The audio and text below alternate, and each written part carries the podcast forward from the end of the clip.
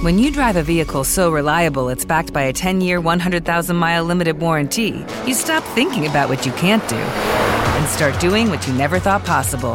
Visit your local Kia dealer today to see what you're capable of in a vehicle that inspires confidence around every corner.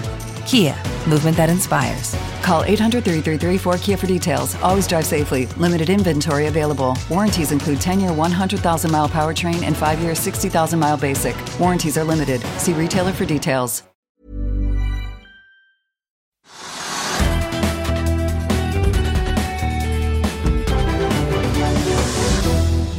Velkommen til Økonominyhetene torsdag 25.11. Og nå håper jeg både finansministeren og flere av partifellene hans følger med i begeistring, for i dag skal vi snakke om eh, to og med to selskap som på hver sin måte satser på å gjøre butikk av skog.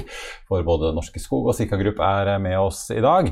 Vi skal også få teknisk analyse av Europris, men først skal vi ta en titt på dagens børsnyheter og markedet. Hovedindeksen har eh, slitt litt med å finne retningen i dag. Den var opp 0,2% fra start, ligger nå ned 0,1% og Hvis det holder ut dagen, så kan det bli tredje dag med fall der. Rundt oss i Europa så er det stort sett uh, grønt, og futuresene på Wall Street peker mot en positiv åpning fra start uh, der. Nordsjøoljen den er ned 0,3% til 82 dollar fatet i spotmarkedet. Og Dermed ser det ikke ut uh, til at vi foreløpig har fått noe voldsom effekt av Joe Bidens lagertømming på 50 millioner fat olje som ble annonsert tidligere denne uken. Dagens mest omsatte aksje det er eh, Masuval, takket være emisjonen i oppdrettsselskapet på 400 millioner kroner som ble varslet og fulltegnet i går. Aksjen er ned 4,5% til 40 kroner og 10 øre. Emisjonen var på 40,7. 40, eh, litt ned fra en sluttkurs i går på 42 kroner aksjen. En annen eh, som har fulltegnet en emisjon, er Høg Autoliners, som etter planen skal på børs eh, allerede nå på mandag. Eh, bilfrakt- og kjøretøyrederiet har fått inn de 1,2 milliarder kronene i emisjonen til 21 kroner aksjen. Og ja, De skal altså etter planen på børs på mandag og bruke kapitalen på nye og grønnere skip. Konsernsjef Andreas Enger er for øvrig gjest hos oss her i neste uke. Golden Ocean fortsetter opp 3,5% etter gårsdagens opptur på kvartalsrapporten, der eh, rederiet steg hele 8,5% ABG-analytiker Petter Haugen mener shippingaksjen kan gå til hele 167 kroner. Det er mer enn en dobling fra onsdagens sluttkurs på 78,05 kroner for tørrlastrederiet til Jon Fredriksen. Ellers så tar vi med at eh, Hexagon stiger en halv prosent etter at det ble kjent at styreleder Knut Flakk har solgt aksjer for 60 millioner kroner. Hydrogenselskapet Nell er opp nesten 10 etter en ordre fra stålprodusenten Novaco på 11 millioner dollar. Og Arne Fredlis Hunter Group stiger også 10% etter sin kvartalsrapport. Oddfjell Drilling er ned eh, drøye 2 til tross for at riggselskapet leverte et noe bedre resultat enn ventet i tredje kvartal. Da skal vi over til dagens gjest, som jobber i et selskap som vi vel kan si har vært ute en vinternatt før, men som kjemper videre, og som har hatt sin første kapitalmarkedsdag på veldig mange år. Så nå er vi jo spent på å høre hva dere har å si, Sven Ombudseth, konsernsjef i Norske Skog. Velkommen til oss. Tusen takk skal du ha. Ja, vi, vi, snakket litt om det før vi gikk på luften her. Det er jo nesten ti år siden. Ja. Ja. Det er jo lenge siden vi har hatt kapitalmarkedsdag, men eh, det er klart vi gikk jo på børs med Norske Skog igjen da, eh, for to år siden. Og da var det vel på tide nå å informere markedet. Vi har jo hatt mange nyheter, syns vi, da. Men eh, å sette det sammen i én pakke tror jeg var nyttig nå. Ja, En innholdsrik prestasjon, masse slides. Ja. Det er masse lesestoff for de som er interessert. Men vi må jo nesten bare ta litt bakgrunn her. Altså, dette er jo et veldig tradisjonsrikt og kjent norsk konsern. Uh, dypt forankret i, i, norsk historie, får vi jo si. Men dere slet jo med veldig høy gjeld og et fallende papirmarked som man satset på. Så ble det til slutt eh, en konkurs eh, på tampen av 2017, før da um, Oceanwood, dette fondet, kom inn og, og kjøpte opp fabrikkene etter konkursen i, i, våren 18. Og så var dere på børs igjen ja. høsten 19. Eh, hvordan har det gått siden da? Siden da har det jo gått egentlig ganske bra. Det som har vært eh, krevende for alle, også inklusiv, er jo covid-perioden. Det skal vi ikke legge skjul på. men... Ja. Eh, vi, vi, har jo hatt uh, egentlig en ganske god utvikling. Som du sier, vi fikk jo en, en ny start. Vi ble reintrodusert på kapitalmarkedene. Fikk uh, både obligasjoner ja. ja. en helt annen hverdag i forhold til gjeldsgrad, som gjør at vi har kunnet se fremover og utvikle vekstprosjektene. Så det har vært fokus vårt er å utvikle vekstprosjekter både innenfor uh, forpakning og innenfor andre fiber- og energiområder. Og Der har vi hatt god fremdrift, og dette begynner jo nå å komme mot oppstartspunktene. Vi, vi, nærmer oss gradvis, og det er vi jo veldig fornøyde med. Ja, for det var jo noe av bakteppet hvorfor det gikk så galt. Det var jo en voldsom satsing på avispapir. og Man tok om masse gjeld, gjorde masse oppkjøp som uh, tynget selskapet etter hvert. Uh, men nå, altså, dere satser jo fortsatt på avispapir, dere skal ikke legge det ned. Nei. Men dere vrir også om det, det, mot uh, bl.a. emballasje, skjønner jeg. Det gjør vi. og Det er jo, det er jo en, fortsatt en portefølje med større industristeder rundt omkring i verden. Vi har jo fortsatt tilgjengelige steder i Australia og Frankrike, Østerrike og Norge. Og disse tingene tar jo litt tid å snu, så, så vi vil jo levere papir til grafisk bransje så lenge det er meningsfull etterspørsel der. Det vil vi gjøre. Og vi vil bruke den cashflowen som mange andre har gjort før oss, til å omstille oss. Forpakning, eh, Resirkulerbar forpakning er det viktigste. Det, de europeiske fabrikkene har den retningen, og de går den veien. Sakte, men sikkert. Og så vil de norske satse mer på energi og, og fiberprodukter. Gjerne mer høyverdige produkter, fordi Norge er unna markedene, så vi er nødt til å ha si, mer i høysegmentene hvor det er litt mindre transportkomponent i produktene. Skal vi bare ta det en etter en? Skal vi ta papir først. fordi ja. Vi som jobber i mediebransjen vet jo at eh, koronaperioden har vært veldig spesiell. Mm. Masse lesere, og de fleste medier opplever jo oppgang i opplag til og med på papiravisene. Eh, som jeg vet Trygve her i huset er veldig fornøyd med, og det ser vel dere òg? Ja, vi ser det nå eh, når vi kommer ut av, i hvert fall økonomisk, nå skal jeg ikke si at pandemien er over, men vi kommer jo ut av den litt økonomisk. Så nå har vi jo sett i år en, en oppgang. Samtidig så er markedet godt i balanse med der vi har sett nedstenginger i, i, industrien, konvertering til andre typer produkter. Så nå er jo markedet bra. Så, så ja, for dere tror at balance, rett og slett eh, produksjonskapasitet for avispapir kommer til å gå ut av, av, markedet? Det går jo stadig vekk ut. altså Markedet har jo falt i mange år. Og, og den, men det gode er jo at industrien har greid å tilpasse produksjonskapasiteten. Så, så nå er det jo på en måte en, en ok balanse. Nå ser vi også at, at, det er annonserte uttak av kapasitet gjennom konverteringer da, de neste to årene. Så vi tror at markedet markedet kommer til å være i ok balanse. Så dette er jo, er jo for så vidt et, et, bra marked å være i nå. Men vi vet jo det at en omstilling den er nødvendig, og den gjør vi jo. det, det varer ikke evig, men uh, levetiden er kanskje forlenget litt? Grann, den er forlenget, og, og kontantstrømmen er, kommer til å være betydelig. Vi har jo på en måte, vi som jobber med dette, forhåpentligvis inklusiv dere her, da, har jo tro på medie og tro på papir. Men, men det er klart at det er, det er jo en, en moden bransje, og da er jo kontantstrøm som er nøkkelen. Så er det emballasje. Da. det er jo bl.a. i Østerrike og Frankrike hvor dere ja. investerer i det. Dere skal være i gang eh, med eh, produksjon av emballasjeprodukter fra fjerde kvartal neste år i Østerrike. Ja. Fjerde kvartal 23, året etter altså i Frankrike. Ja.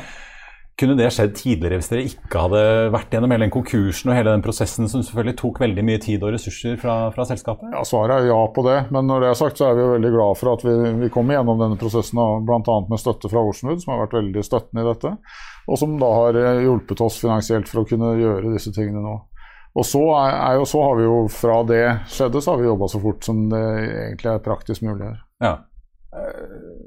Eh, på en måte, Fortell litt om eh, altså, Åpenbart eh, netthandel, emballasje, ja. det er jo ikke et marked som kommer til å forsvinne. Men hvordan ser egentlig konkurransebildet ut? For det må jo være andre aktører i papirbransjen ja, og skogbransjen som også ser at det, det, det bølgepapp og, og dette, emballasjeløsninger kan være noe? Dette er et kjempestort marked. I Europa alene 27 millioner tonn nå i år. Dette har jo vokst mer enn det har gjort tidligere gjennom pandemien.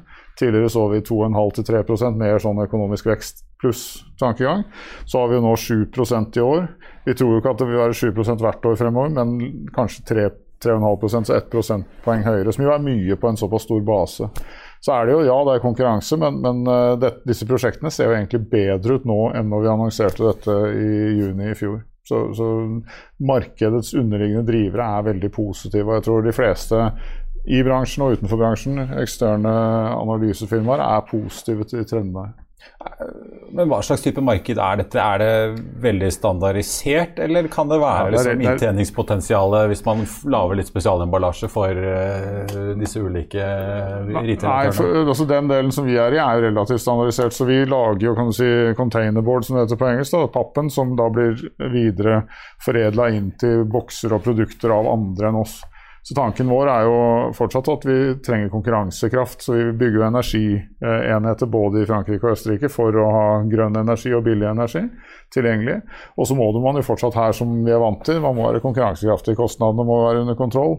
Fiberleveransen under kontroll, logistikken under kontroll. Dette er vi jo veldig kjent med. Så, så vi tror jo at disse anleggene blir de mest kostnadseffektive i bransjen når de kommer inn. Vi må uh, snakke litt om hva dere skal drive med her hjemme. da, for Dere har jo to kjente anlegg i Halden ja, og Skogn. Ja. Uh, og dere skriver jo i materialet her om at dere er jo også engasjert i karbonfangstprosjekt med Kapsol. Ja. Uh, fortell hvordan egentlig liksom, papir- og skogvirke henger sammen med karbonfangst. Ja, For det første så tror jeg vi, vi må begynne helt på toppen. altså Det blir ikke noe grønt skifte uten et, et skogbruk som, som lever og ånder. Det må brukes mer tre i bygninger, og for å få til det så må man bruke resten av tømmerstokken også. Ikke bare Arte Buchardt oppe på hotellet sitt uh, på vei til Lillehammer? Nei. Ikke, ikke bare Brumunddal, nei. Men, og, og, det er den ene delen, men resten av trestokken og resten av skogen må brukes også. Det gjør jo vi som treforedling. Men vi må da også utvinne nye produkter, utvikle de produktene vi har. Og, og der er det jo Mikrofibrær cellulyse skal også erstatte olje- og PwC-baserte i ulike applikasjoner. Alt fra maling, det kan være epoxy for gulv, mange applikasjoner. Veldig spennende produkter. Vi mener også at vi kan blande inn fiber med plast for lengre applikasjoner. Rør og sånne ting skal ligge der lenge, som, som begrenser avleiring og er bedre for miljøet. Og vi mener også at det er, det er en, en, rekke andre produkter vi kan gjøre. Disse tingene skal utvikles. Samtidig så mener vi også at anleggene passer seg veldig godt for karbonfangst, som du er inne på. Dels fordi det er relativt rene utslippspunkt kontra annen industri, og dels fordi det er, er, ikke er så enorme mengder som det kan være på f.eks. et ferroserisiumanlegg. Så, så, dette ligger godt an til å teste. Kapsol, som du nevner, det er med Borg CO2 i Halden. Så har vi et samarbeid med Ocean Geolup i Trondheim, på, Skogn, som da skal se om det er mulig å, lagre dette i sjøen og bygge algeproduksjon, som igjen da blir biomasse til annen verdikjede. Så vi er ganske vi er positive til dette. Vi tror at verdikjedene kommer til å utvikle seg. Vi tror at det er umulig å få dette til uten oss og uten eh, skogbruket. Men dere er jo, eh, altså, så vidt jeg skjønte, så har jo dere såpass lave utslipp relativt sett allerede at ja. dere, dere, kan gjøre som Tesla. Dere kan jo selge kvoter. Eh. Eh, som dere da får tildelt eh, basert på et eller annet eh, sjablongsystem antar jeg i EU? Ja, det kan vi. Og, og, jeg tror vi, kom, når jeg sier at vi er en del av løsningen, så kommer vi antageligvis til å binde mer CO2, sånn at vi da har en positivt CO2-avtrykk istedenfor et negativt et med utslipp. Så det, dit kommer vi. om det, Men det er litt tidlig å si hvordan storskalaene på dette blir og hvilke verdikjeder som vinner. Men vi ser jo på biokull for å, å avhjelpe ferrolegering og metallurgisk industri sine problemer. Vi ser også på drivstoff som kommer, om, men om det er remetanol, om det er vanlig e- diesel, hva som helst, det vet vi ikke. Men det kommer til å komme ut av trefiber. Og vi har kompetansen, vi har infrastrukturen, så disse anleggene kommer til å ligge midt i de grønne verdikjedene i Norge. Eh, vi har jo hatt uh, Yara-sjef Svein Tore Holsæter uh, i sendingen her tidligere. Han holder jo på med grønn ammoniakk uh, på Herøya. uh, det er jo egentlig ikke det å lage grønn ammoniakk som er problemet. Problemet er at det koster mer, sånn at noen må betale den, den ja. merverdien eller den, det påslaget. Ja. Hvordan er det med disse produktene dere snakker om? Kreves det måte mer teknisk utvikling, eller handler det bare om at man må få et marked som faktisk etterspør det, på bekostning av de tradisjonelle petrokjemiproduktene fra olje og gass? Jeg tror det er fortsatt litt igjen på den, på den tekniske siden, og i hvert fall for å skalere opp. Eh, men en del av disse tingene har man drevet med i 10-15-20 år, så jeg tror vi er nokså nær ved å se de tekniske løsningene. Og så er det å skape businessmodeller hvor dette funker. For noen områder, som du sier, så er det noen som må dekke mellomleddet, i hvert fall i en, en, periode inntil markedene kan du si, modnes her også. Uh, og da er man jo over på politikkens verden. Eller at kvoteprisen i EU stiger nok? Ja, det er en annen måte. Uh, den, den, bidrar jo veldig positivt. Spesielt når man snakker om gulv på 60 euro og sånn, så begynner dette å bli se annerledes ut enn hvis man har usikkerhet ned til null. Så, så jeg tror, jeg tror, men jeg tror også det er litt viktig her i Norge. Norge er et lite land. Man må bestemme seg for hva man kan ikke prøve ut alt. Da sitter vi her fortsatt i 2050 og lurer på hva som skjedde. Ja men hva, apropos det, da, da er det jo veldig mange i, i, industrien eh, som er ute og ønsker seg det ene og det andre fra politikerne av rammevilkår. Eh, vi ser jo bl.a. på Herøya så jo, har de jo ønsker både mer kraft og differansekontrakter. og vi ser hva som ønskes på havvind, eh, olje- og gassnæringen vil elektrifisere der ute. Eh, og det er masse prosjekter på aluminium og, og, og hydrogen.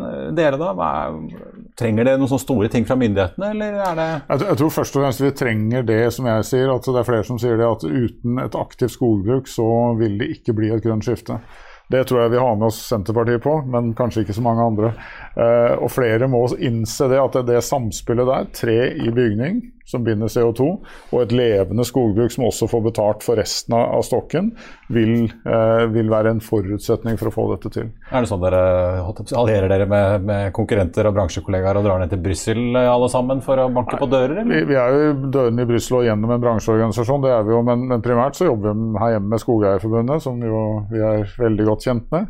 Uh, og, de er jo selvfølgelig på vår linje, og, vi, bringer jo disse budskapene sammen med de til i praksis alle politikere. Til slutt vil jeg høre litt om disse. En ting er hva dere driver med selv, men dere holder jo også på med ting som kan bli spunnet ut i egne virksomheter. Eh, vi skal snart høre fra Sika Group, som dere ja. eier en fjerdedel av. Ja. Eh, men jeg skjønner jo at det også kanskje er andre ting som kan bli spunnet ut og kanskje bli børsnotert på sikt her? Ja. Vi har jo snakket, I dag har vi vel egentlig første gang snakka om at Sebina, som er biokompositt, altså fiber og plast sammen, kan være en mulighet der. Vi ser jo der på en oppskalering i løpet av neste år. Nå har vi akkurat installert et, et pilotanlegg i Halden som vi har fått støtte fra Innovasjon Norge for, for øvrig. Uh, og Der kan det være aktuelt, når det skal oppskaleres, så kan det være aktuelt enten med børs eller med andre partnere.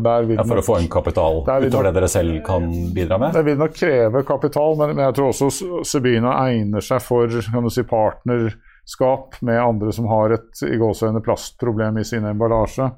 Eh, det kan være folk som pakker fisk til utlandet, det kan være nesten hva som helst. Dette har en enorm applikasjon. Jeg, tror så langt når vi har testa ting med, med partnere, så er det ingen som ikke er interessert i dette. Mm. Så dette er uh, genuint marked for. Uh, men jeg tror også det kan være litt interessant fordi det er ganske skalerbart. Så funker dette nå på Saugbrugs, så funker det antageligvis globalt, og da kan dette bli ganske stort. Da er det naturlig at vi kanskje ser mot en børsnotering også. Ja. Og uh, dette Sebico, da? Sebico er jo for så vidt tilsvarende, men, men har mindre si, kapitalbehov og kan skaleres opp mer etter etterspørselen. Så der er det nok viktigere å få markedet på plass først. Selv om det er kanskje et enda bedre og mer intelligent produkt, så er det ikke så åpenbare markedsnisjer. Du må kjempe deg igjen, for der skal du erstatte andre løsemidler fra, fra oljebaserte ting. Og jeg nevnte i stad bl.a. sånn som epoxy og sånn. Det er glimrende i epoxy, men det er selvfølgelig noen andre som leverer i dag, så da må du inn i de markedene. Det, vi er godt i gang og vi er veldig positive tester med, med, kunder på det her. Men her er ikke kapitalbehovene så store, så det er nok, eh, om det blir børsnotert noen gang, så er det nok det lenger frem i tid. Send Ommeseth, konsernsjef i Norsk Skog, takk skal du ha. Og så får vi si lykke til med ferdigstillelsen av molasjefabrikkene eh, nede på kontinentet. Tusen takk skal du ha. Før vi går videre skal vi ta med at eh, Adevinta er ned 3,3 eh, i dag. Den internasjonale rubrikkvirksomheten til Skipsted som ble skilt ut i et eget selskap, er i gang med en strategisk gjennomgang av markedene sine. og eh, det de nå planlegger å gjøre, er å selge seg ut av Sør-Afrika og Australia for å fokusere på Tyskland, Frankrike, Spania, Benelux og Italia. I tillegg så sier de at de skal fortsatt også satse på disse joint venturesene i Brasil, Østerrike og Irland. Eh, Adevinta melder at de pga. chipmangelen chipmangel sliter med volumene i bilsegmentet på annonseplassene sine, og det er lav tilførsel av biler, men dette skal kompenseres med økte priser. Likevel så vil dette påvirke resultatene i 2022. Adevinta overrasket jo mange i fjor da de inngikk kjempeavtalen om å overta eBays internasjonale rubrikkvirksomhet. Så skal vi ta med tre kjappe SSB-tall som kom i dag. Ledighetstallene AKU viser at uh, ledigheten i september falt fra 4 til 3,6% Det er under det som var ventet i forkant. Og uh, det er nå 104 000 arbeidsledige, og ledigheten er på nivå tilbake der vi var i februar-januar i fjor, da den lå på mellom 3,5 og 3,7 38 000 kom inn i jobb, og sysselsettingen økte tilsvarende. Ifølge SSB så er det rekordmange ledige stillinger og stor etterspørsel etter arbeidskraft i eh, næringslivet. Grensehandelen den steg også kraftig i tredje kvartal til 1,3 milliarder kroner, men to av tre handleturer er fortsatt borte sammenlignet med før pandemien. For i 2018 og 2019 så brukte vi nordmenn henholdsvis 3,8 og 5 milliarder kroner i tredje kvartal eh, på grensehandel. Og så er reiseundersøkelsen SSB ute, og det er rekordmange norgesreiser i tredje kvartal. 7,3 millioner av dem. Det er det høyeste tallet i undersøkelsen eh, noen gang. I tredje kvartal var det i tillegg 820 000 utenlandsreiser. Det er mer enn en dobling fra samme tid i fjor, men eh, milevis unna de tre millionene som eh, vi har sett i tidligere år. Hey, I'm Ryan Reynolds. Recently, I asked Mint Mobile's legal team if big wireless companies are allowed to raise prices due to inflation. They said yes. And then when I asked if raising prices technically violates those onerous two year contracts, they said, What the f are you talking about, you insane Hollywood ass? So to recap, we're cutting the price of Mint Unlimited from $30 a month to just $15 a month. Give it a try at mintmobile.com slash switch. $45 up front for three months plus taxes and fees. Promo rate for new customers for limited time. Unlimited more than 40 gigabytes per month. Slows. Full terms at mintmobile.com. I'll see you in court. Vi sier det ofte litt på spøk, men for deg som driver business, er det aldri moro å innse at du ikke har laget en 100 gyldig kontrakt. Du bør ikke risikere hele firmaet ditt fordi du synes dette med kontrakter er litt stress. En avtale er ikke en avtale. Du kan miste kunder, miste venner, ja, til og med miste inntekter om du ikke lager en skikkelig kontrakt, på alt mulig, egentlig. Men vi vet det er et styr. Kopimaskiner, tregprinter og haugevis av papir. Dessuten stoler vi jo på folk her i landet. Det er ofte litt kleint å skulle be om en signatur for alt mulig, ja, for mye av styret handler også om jakten på underskriften. Det finnes en enkel måte å løse dette på, Dukkobit, en trygg, effektiv og get this, gratis måte å sikre seg en god natts søvn pluss en juridisk bindende avtale. Dukkobit-appen har de strengeste sikkerhetskrav i bunn, samt en EU-godkjent og sertifisert teknologi. Framover vil det bli behagelig å spørre du, skal vi skrive under på det, eller? Kom i gang på dokobit.no. Da skal vi altså videre til en av investeringene til Norske Skog, nemlig Circa Group, som slapp tallene sine for tredje kvartal i dag. Den grønne børsnykommeren fikk seg en alvorlig knekk i oktober, men hvordan går det nå? Vi pratet med selskapet litt tidligere i dag. Tone Leivestad, finansdirektør i eh, Circa Group, velkommen og takk for at du er eh, med oss. Dere har jo sluppet eh, kvartalstall i, i dag. Men det er jo ikke så veldig spennende å se på de, kanskje, for dere er jo en oppstartsbedrift som, som er under utvikling. og Sånn sett er jo ikke akkurat de store salgstallene å, å snakke om ennå. Så vi får snakke om hvordan utviklingsarbeidet går og, og hva dere ønsker å få til. For dere det er jo på en måte hva skal man si, et bio, eh, biokjemiselskap. Dere skal uh, ta inn bioavfall, konvertere det til uh, biokjemikalier, uh, giftfrie løsemidler og mye annet som skal erstatte det vi bruker fra, fra petrokjemien i dag. Hvordan har oppstarten vært? Du begynte nå 1.9. Ja. ja, takk for at jeg fikk komme her. Og det har vært veldig, veldig spennende. Det må jeg jo si. Det er jo et selskap som har mye spennende løsninger, og hvor det er mye som foregår på mange forskjellige fronter. Så, så det har vært en opplevelsesrik start. Eh, absolutt. Eh, og jeg tenker jo det er jo ekstra spennende å jobbe i et selskap som, eh, som skal gjøre verden bedre. Da. Vi skal faktisk både bruke avfallsstoffer og, og skifte ut giftige og farlige kjemikalier. Så det er veldig i tiden, veldig veldig i vinden, spesielt innen EU, da, eh, på det regulatoriske. Så, så, det har vært veldig spennende. Mm. Ja, altså Man kan vel kanskje litt sånn enkelt plassere dere i samme kategori som uh, Borregaard, som også driver med mye avansert uh, biokjemi. Men forklar litt. dere holder jo på med dette første store fabrikkprosjektet som kalles Resolut i Frankrike. Mm.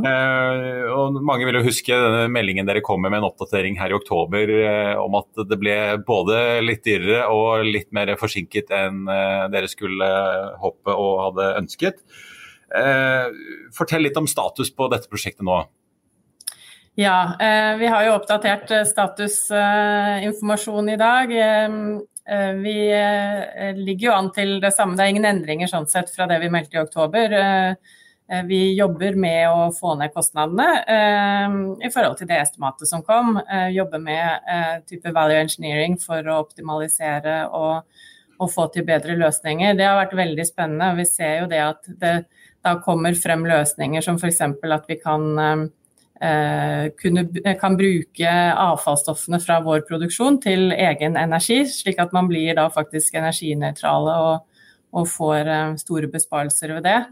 Og ser også at denne prosessen som vi er inne i nå, ser ut til å kunne gi oss større volumer på, på samme kostnad. Så, så, på mange måter er det jo eh, en, en, veldig spennende og, og, positiv prosess. Og etter hvert som disse tingene blir bekreftet, så vil vi jo informere om, om det. Men utfordrende, selvfølgelig. Men slik det ser ut nå, så, så jobber vi da med å få ned kostnadene. Vi har ingen indikasjoner på noe annet. Og, og klare denne tidsplanen. Og jobber med å finne gode finansieringsløsninger. Det er jo Særlig så er det mye muligheter for grants. Dette er jo et sånt Horizon 2020 flagship-prosjekt, så vi har jo et stort grant der allerede. Og vi ser at i Frankrike så er dette prosjektet veldig viktig i regionen. Eh, og at det er ganske mange muligheter for lokal støtte, bl.a., som vi også jobber med. I tillegg til altså, type equipment-finansiering osv. Etter hvert som, som, løsningen vår blir klar, så blir det også lettere å, å, å kunne rigge de løsningene. Ja, men bare for å ta det, da, Dere meldte jo mm. eh, at uh, kostnadsestimatet fra 32 til mellom 50 og 55 millioner euro, og at oppstarten blir ca. et halvår forsinket i tredje kvartal 23. Så det står fortsatt, i hvert fall inntil, uh, inntil videre. Ja, ja. det stemmer. Mm. Men fortell litt, da, for jeg ser jo i prestasjonen så snakker dere jo om finansiering. og det var jo um, fra analytikerhold så ble det jo snakket om at dere kanskje måtte hente mer penger for å, for å komme helt i mål her i høst, eh, da dere varslet dette. Dere hentet jo drøye 50 millioner euro da dere gikk på Euronex Growth i mars i år. Eh, mm. og så avsluttet dere jo nå kvartalet med, med 47 millioner euro på bok, eh, ned 3 millioner euro fra, fra, andre kvartal. Så gikk en voldsomt stor, stor cash burn som sådan. Eh, men gitt at denne fabrikken har koster over 50, hvordan skal dere da komme i mål? Eh, er det aktuelt med en emisjon, eller er det andre type finansiering og kapitalkilder som dere ser på? Eh, vi mener at vi ikke trenger å gå tilbake i markedet med en emisjon. Nå er det jo sånn at den cash forecasten vi har vist også, så er det først helt mot slutten vi eventuelt går tom. Vi har ganske mye å gå på, så vi mener jo vi har en ganske lang tidshorisont her på å finne løsningene. Eh, så det handler jo om å, å egentlig få landet denne value engineering-prosessen, sånn at vi kan være mer konkrete på akkurat hvordan, eh, hvordan løsningen kommer til å se ut. Vi jobber eh, som sagt en del med et sånn type lokale tilskudd, grants, som, som ser ut til å kunne ja, bli ganske bra. Og når du da har utstyr osv., så, videre, så ser vi jo da rett og slett på hvordan vi kan finansiere, finansiere det. Um, så vi mener at det ikke er nødvendig. Eh, rett og slett, da? Ja, eh, eller altså eksportkreditter eller tilsvarende. Så, og vi ser jo altså, at det gapet det er kanskje mellom 5 og 10 millioner euro um, i den forecasten vi la fram. Og det var jo da også et konservativt case hvor vi liksom la til grunn det høyeste uh, kostnadsnivået osv. Så, videre. så så det er ganske mange ting vi jobber med her som gjør at vi, vi mener at um, dette her er mulig å få til uten å gå til markedet. Når er det dere regner med å begynne å få uh, salgsinntekter inn i, inn i, butikken, da? Det hjelper jo alltid på regnskapet når man begynner å få litt cash inn. Ja. ja, det gjør jo det. Uh, vi starter jo produksjonen sånn sett i slutten av uh, altså i annet halvår 2023. Så det blir jo først ut i 2024 at vi kan begynne å regne med med salgsinntekter. Eh, nå er det jo sånn at det ser ut til at vi kan klare å få ut faktisk da større volumer på, på eh, den investeringen vi gjør, enn det som opprinnelig var planlagt. Altså, vi har jo sagt det er en 1000 tonns eh, fabrikk, men eh, det ser ut som man kan få eh, ja, kanskje opp mot 50% mer enn det. Så det hjelper jo også på. Så det er klart det at eh, det er, det er litt sånn timing. Eh, inntektene kommer litt bak eh, kostnadene, men, eh, men det kommer eh, om et par år, da. Så begynner vi å, å, å få til det. Mm. Eh, vi må også høre litt om, om, veien videre, for det er jo um, dette sarin, uh, si, gift, giftfrie løsemiddelet uh, som er det store. Det er en plan om å produsere 80 000 tonn av dette her uh, i 2030. Eh, hvor mye av dette blir egenproduksjon, og hvor mye blir lisensiert ut, eh, tror du? Altså, vil dere bruke mange andre aktører til å måte oppskalere inntektene deres? Eh, planen er å sette opp ja, fire større fabrikker i, løpet av den neste tiårsperioden. Så, og vi kommer ikke til å vente til Resolute er ferdig. Vi starter sannsynligvis før sommeren med eh, jobben med å planlegge den neste store, eh, som vi kaller for FC6, som, eh, som vil bli da 10 000 tonn eller mer. Um, og basert på egentlig de løsningene som vi, vi kjører i Resolut, men da vesentlig større volumer. Og så når man da begynner å få det opp å stå, så vil vi jo da kjøre tre eh, fabrikker til. Så planen er å produsere det volumet selv på ulike steder i Europa og verden. Så i løpet av eh, ja, eh, før sommeren så starter arbeidet med å finne stedene dette bør være. og og eh, planlegge for eh, riggingen og så osv. Til slutt så lurte jeg på, Dere har jo annonsert at dere har inngått en ny samarbeidsavtale, eller en oppdatert samarbeidsavtale med universitetet i York i England. Mm. Som dere har samarbeidet tett med i utviklingen her. Hvor royaltyen som de skal få eh, tas ned fra 4 til 1,5 prosent eh, opp til 1000 tonn, og så tas den fra 2 til 0,75 over 1000 tonn. Eh, litt på toppen av det du sa om at dere regner med å kunne produsere mer fra fabrikken, betyr denne nye avtalen også en økning i de inntektene dere sitter igjen med, eller hvor utslagsgivende er egentlig dette her? Mm.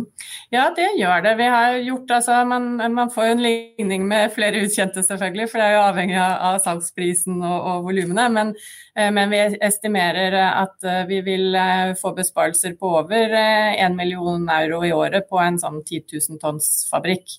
Så, så det er absolutt vesentlig eh, reduksjon i kostnadene fra, for, for oss, samtidig som det er en viktig Eh, samarbeidsavtale. Universitetet i York har jo vært viktig for oss hele veien i, i denne utviklingen. Og vi jobber jo med, tett med universiteter.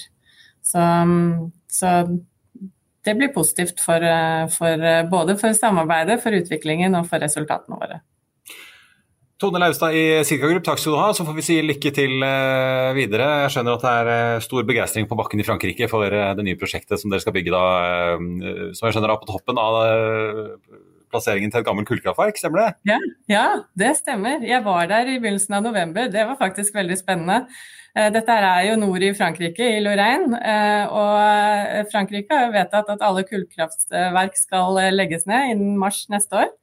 Så nå var det bare én liten del igjen. Jeg fikk omvisning på den delen også. Men da, det de jobber med i regionen, er jo en fullstendig transformasjon med nye typer jobber, og de ønsker å legge til rette for grønn industri.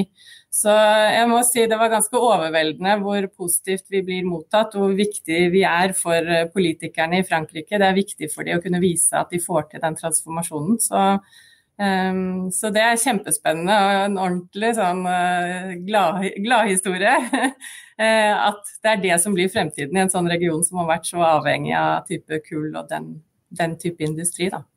Så det har vært en eh, stor opplevelse å være der og oppleve den støtten som vi får.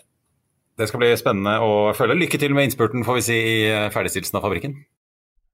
Og Da skal vi ta med at uh, børsene på Wall Street nå har åpnet. Dow Jones er ja, rett rundt null, ned 0,03% Nasdaq Composite opp 0,44 SMP 500 opp 0,23% Ellers får vi ta med at eh, Orkla stiger 0,56 i dag. Det har kommet en eh, melding om at konsernsjef Jan Ivar Semlitsch har kjøpt eh, Orkla-aksjer for ja, drøye 550 000 kroner til 85 kroner og 7 øre. Den aksjen ligger nå på 85,60. Og etter kjøpet så har Semlitsch aksjer 85 171 aksjer i Orkla. I Finansavisen i morgen kan du lese Trygve Hegnars leder om at SV kan måtte vente lenge på fantasimillionene de drømmer om med en ny arveavgift. Du kan lese om sparegründerne i Kron som kaster ut dyre fond. Du kan lese om tidligere ansatte som er i en opsjonskrangel med Hudley og saksøker selskapet for 155 millioner kroner. Og du kan lese børsintervju med Storebrands Lars Kvikstad Sørensen.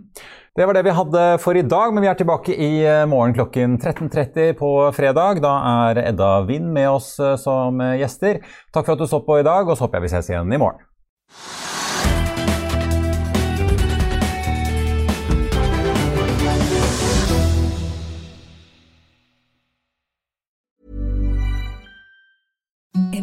The softest sheets you've ever felt. Now imagine them getting even softer over time. That's what you'll feel with Bowl and Branch's organic cotton sheets. In a recent customer survey, 96% replied that Bowl and Branch sheets get softer with every wash. Start getting your best night's sleep in these sheets that get softer and softer for years to come. Try their sheets with a 30-night guarantee. Plus, get 15% off your first order at bowlandbranch.com. Code BUTTERY. Exclusions apply. See site for details.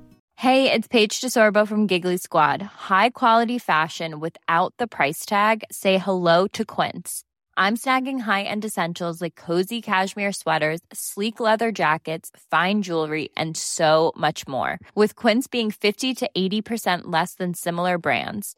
And they partner with factories that prioritize safe, ethical, and responsible manufacturing. I love that. Luxury quality within reach. Go to quince.com slash style to get free shipping and 365 day returns on your next order. Quince.com slash style. Økonominyhetene er en podkast fra Finansavisen. Programledere er Marius Lorentzen, Stein Ove Haugen og Benedikte Storm Bamvik. Produsenter er Lars Brenden Skram og Bashar Johar. Og ansvarlig redaktør er Trygve Hegnar.